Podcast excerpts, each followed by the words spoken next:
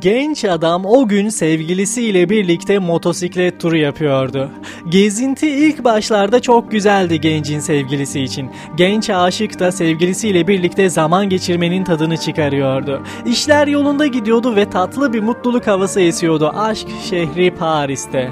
Ancak bir süre sonra genç adam gençliğin verdiği heyecanla hızlanmaya başladı.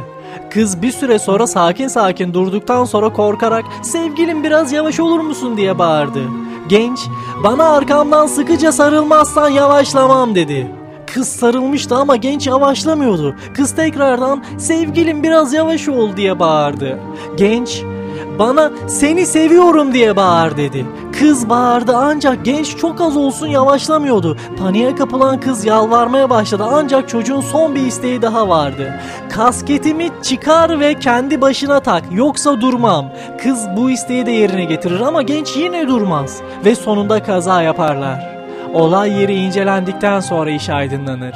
Frenlerin tutmadığını fark eden genç son kez sevgilisinin onu sevdiğini söylemesini ister. Onun son kez kollarına girmek ister ve sevgilisinin ölmemesi için kasketini ona verir. Ve kız kurtulur. Onu ölümü pahasına seven sevgilisi sayesinde.